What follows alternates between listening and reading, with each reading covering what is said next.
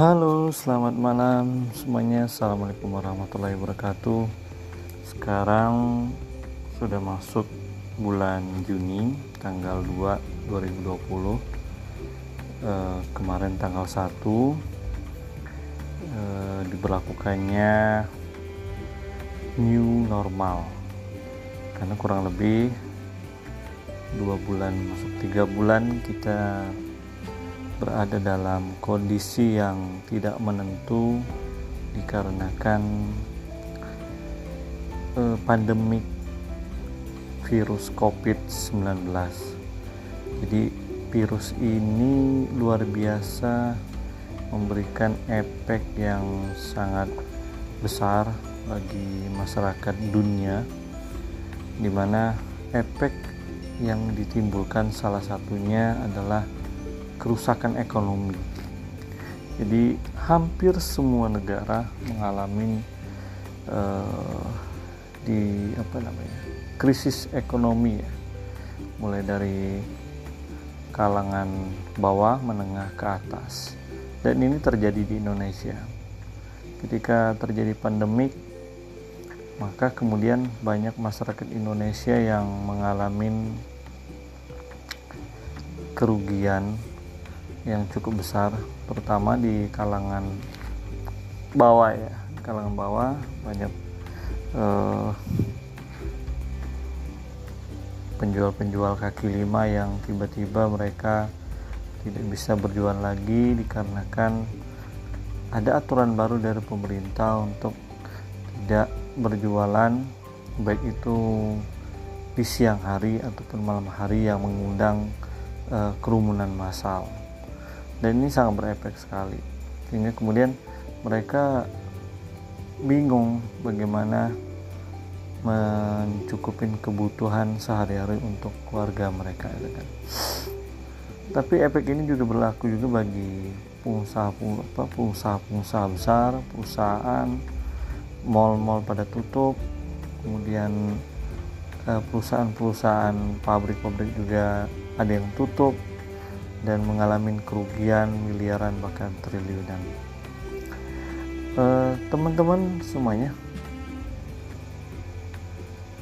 efek yang cukup menarik juga uh, terjadi pada kalangan teman-teman pemain bisnis kopi terutama kafe-kafe gitu ya yang mereka apa uh, mengundang kerumunan massal karena memang kafe-kafe itu kan biasa dipakai untuk ngobrol, nyantai, belajar, macam-macam lah dengan suasana yang cukup menarik gitu kan.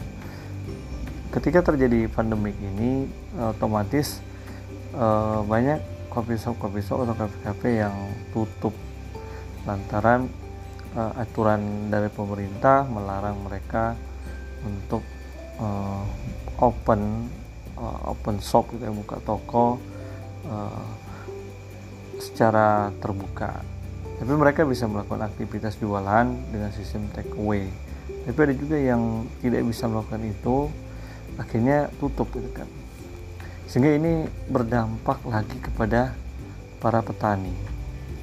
Di saat kondisi pandemik begini kita tahu uh, ujung tombak ketika ngomongin masalah kopi yaitu adalah para petani uh, kalau mungkin teman-teman pernah melihat ke perkebunan teman-teman akan tahu bagaimana kondisi para petani begitu sakitnya mereka uh, begitu susahnya memenuhi kebutuhan ke, apa kebutuhan hidup sehari-hari gitu ya.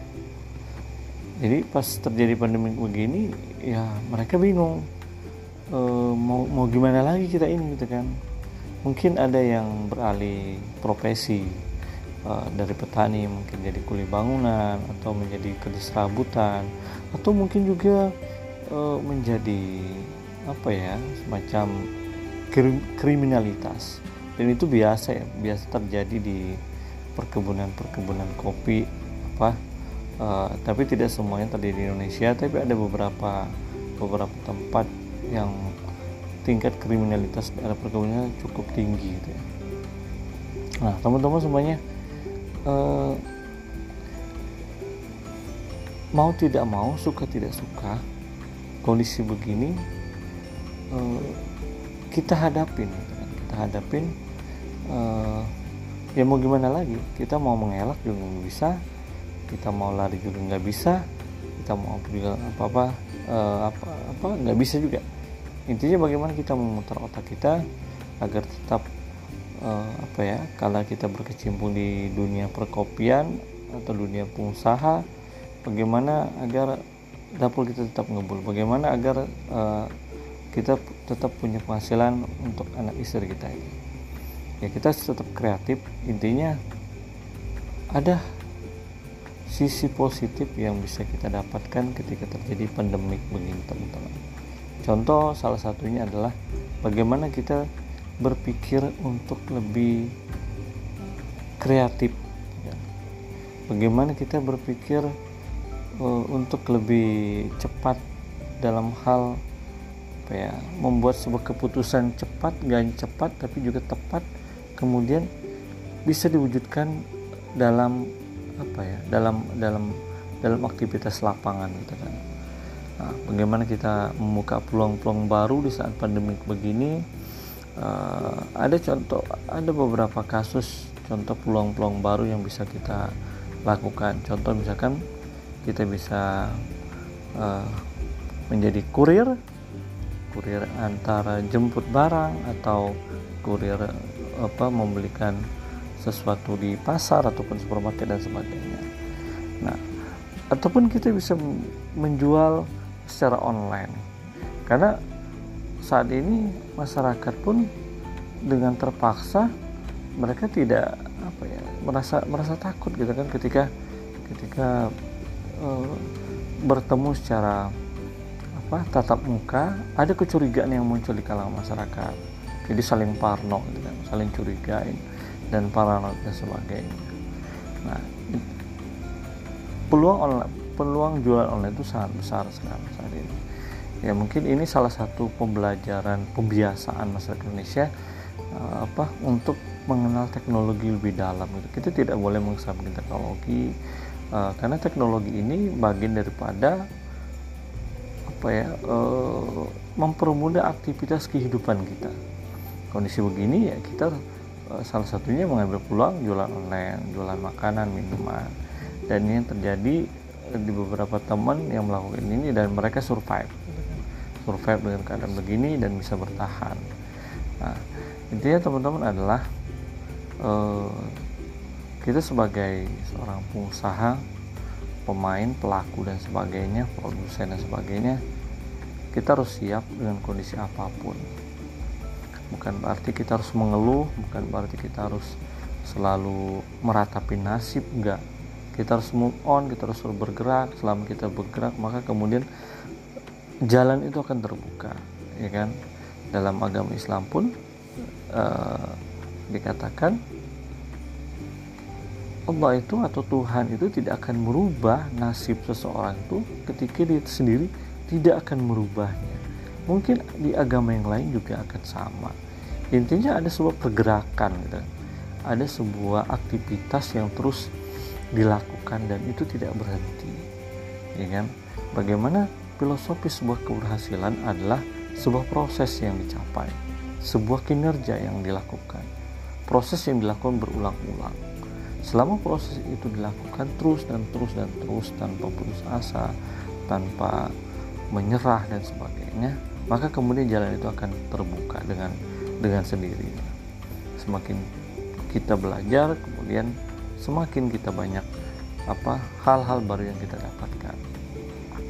Ya oke okay, mungkin itu teman-teman eh, perbincangan kita malam hari ini. Ini cukup malam. Kalau di sini jam sekitar jam 1 lewat 23 menit waktu Indonesia bagian tengah. Oke teman-teman saya cuma berpesan uh, semoga kita semua bisa melalui kondisi begini dengan baik tetap survive tetap waspada tetap jaga kesehatan uh, keluarga kita anak istri orang tua mertua dan sebagainya. Uh, kita tidak boleh ceroboh dalam mengambil sebuah keputusan. Kita betul-betul harus harus hati-hati harus tepat. Uh, jangan sampai keputusan yang kita ambil uh, bisa merugikan kita lebih besar ke depannya. Oke teman-teman sekian uh, tetap semangat dan salam sukses buat kita semua. Assalamualaikum warahmatullahi wabarakatuh